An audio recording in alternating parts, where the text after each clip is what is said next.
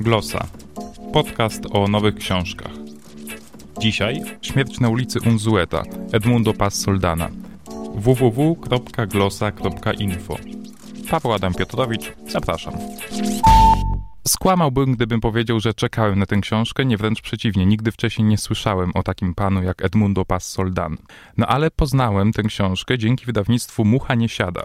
Mucha nie siada to jest nowe wydawnictwo z Krakowa, które postawiła sobie za cel prezentowanie literatury latynoamerykańskiej i właśnie do tej literatury zalicza się Edmundo Paz Soldan. O co chodzi w książce? Pedro Zabalaga, urodzony w Boliwii, mieszka w Stanach Zjednoczonych i tam prowadzi zajęcia z literatury latynoamerykańskiej na Uniwersytecie w Madison. Tam ma romans ze studentką o pięknym imieniu Ashley i gdy już nie potrafi sobie poradzić z tym romansem, to ucieka do rodzinnego miasta w Boliwii pod pretekstem badania historii swojego ojca. A ojca ma nie byle jakiego, bo to był lewicowy polityk zabity przez prawicowy reżim rządzący.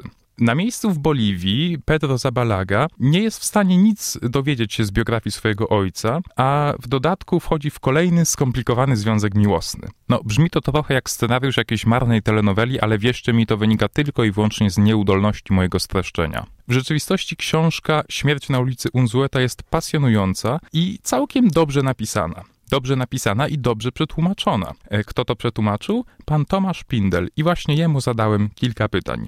Zapytałem go po pierwsze, czy Paz Soldan jest typowym przedstawicielem pokolenia Macondo, a więc pokolenia młodych twórców latynoamerykańskich. Paz Soldan jest rzeczywiście y, przedstawicielem typowym y, na tyle, na ile typowość w ogóle tutaj ma miejsce, ponieważ jedną z istotnych cech tego nowego pokolenia jest takie absolutne wyzwolenie się z wszelkich jakichś przepisów, zasad i norm. U Soldana bardzo wyraźnie widać jedną rzecz, bo często mówi się o pokoleniu Macondo w takim kontekście, że oni sprzeciwiali się y, tym klasycznym boomowym autorom. Tak naprawdę to tak nie jest. Znaczy oni się buntowali przeciwko tej literaturze pigońskiej, przeciwko nie tyle Garcia Marquezowi, ile Isabel Allende czy Laurze Esquivel, czyli oni na, jakby nawiązują do tych klasycznych, dobrych, sprawdzonych wzorców, tyle żeby pokazują inną rzeczywistość, no bo świat przez te kilkadziesiąt lat znacznie się zmienił. No tak, ale pomimo zainteresowania inną Ameryką, no to jednak pewne zabiegi formalne są takie same. Na przykład u Bas Soldana miejsce akcji to fikcyjne miasto, no i to chyba typowe dla wielu pisarzy latynoamerykańskich. Tu akurat też jest to element takiej bardzo silnej tradycji w prozie latynoskiej. Natomiast ja myślę, że, że to nie jest tak naprawdę bardzo istotne, bo jakby on w ten sposób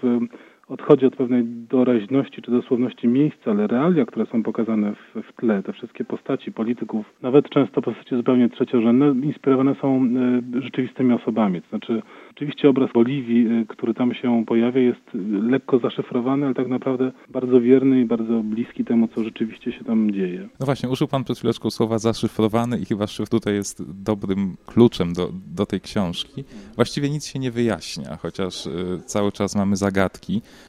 Czy to też jest typowe dla literatury latynoamerykańskiej? E, trochę tak, bo to nowe pokolenie i Pasteldan też to doskonale ilustruje, ma, e, tym się różni też od tych swoich poprzednich mistrzów, że e, jakby oni opisują rzeczywistość, ale nie przedstawiają takiej wykładni ideologicznej, nie mają wyrazistych poglądów w tym sensie, że opisując świat nie starają się go jakby wytłumaczyć i sprowadzić do pewnych doktryn. To wynika z pewnej nieufności do polityki, którą akurat w powieści Paza Solana bardzo widać. W związku z czym rzeczywiście ta taka nieufność do, do świata, niewiara w to, że można rozkodować rzeczywistość i znaleźć taką obiektywną prawdę i obiektywne rozwiązanie problemów, to jest coś, co, co pewnie generacyjnie rzeczywiście łączy tych twórców. Miesza się tam wiele wątków, jak pan też już wspomniał.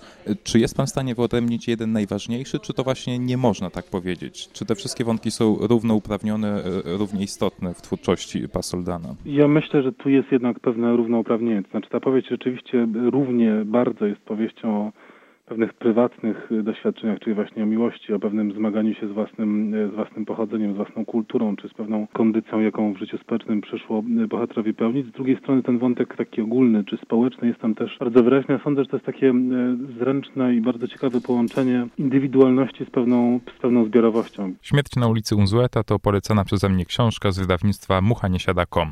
Trzymajcie się ciepło, do usłyszenia.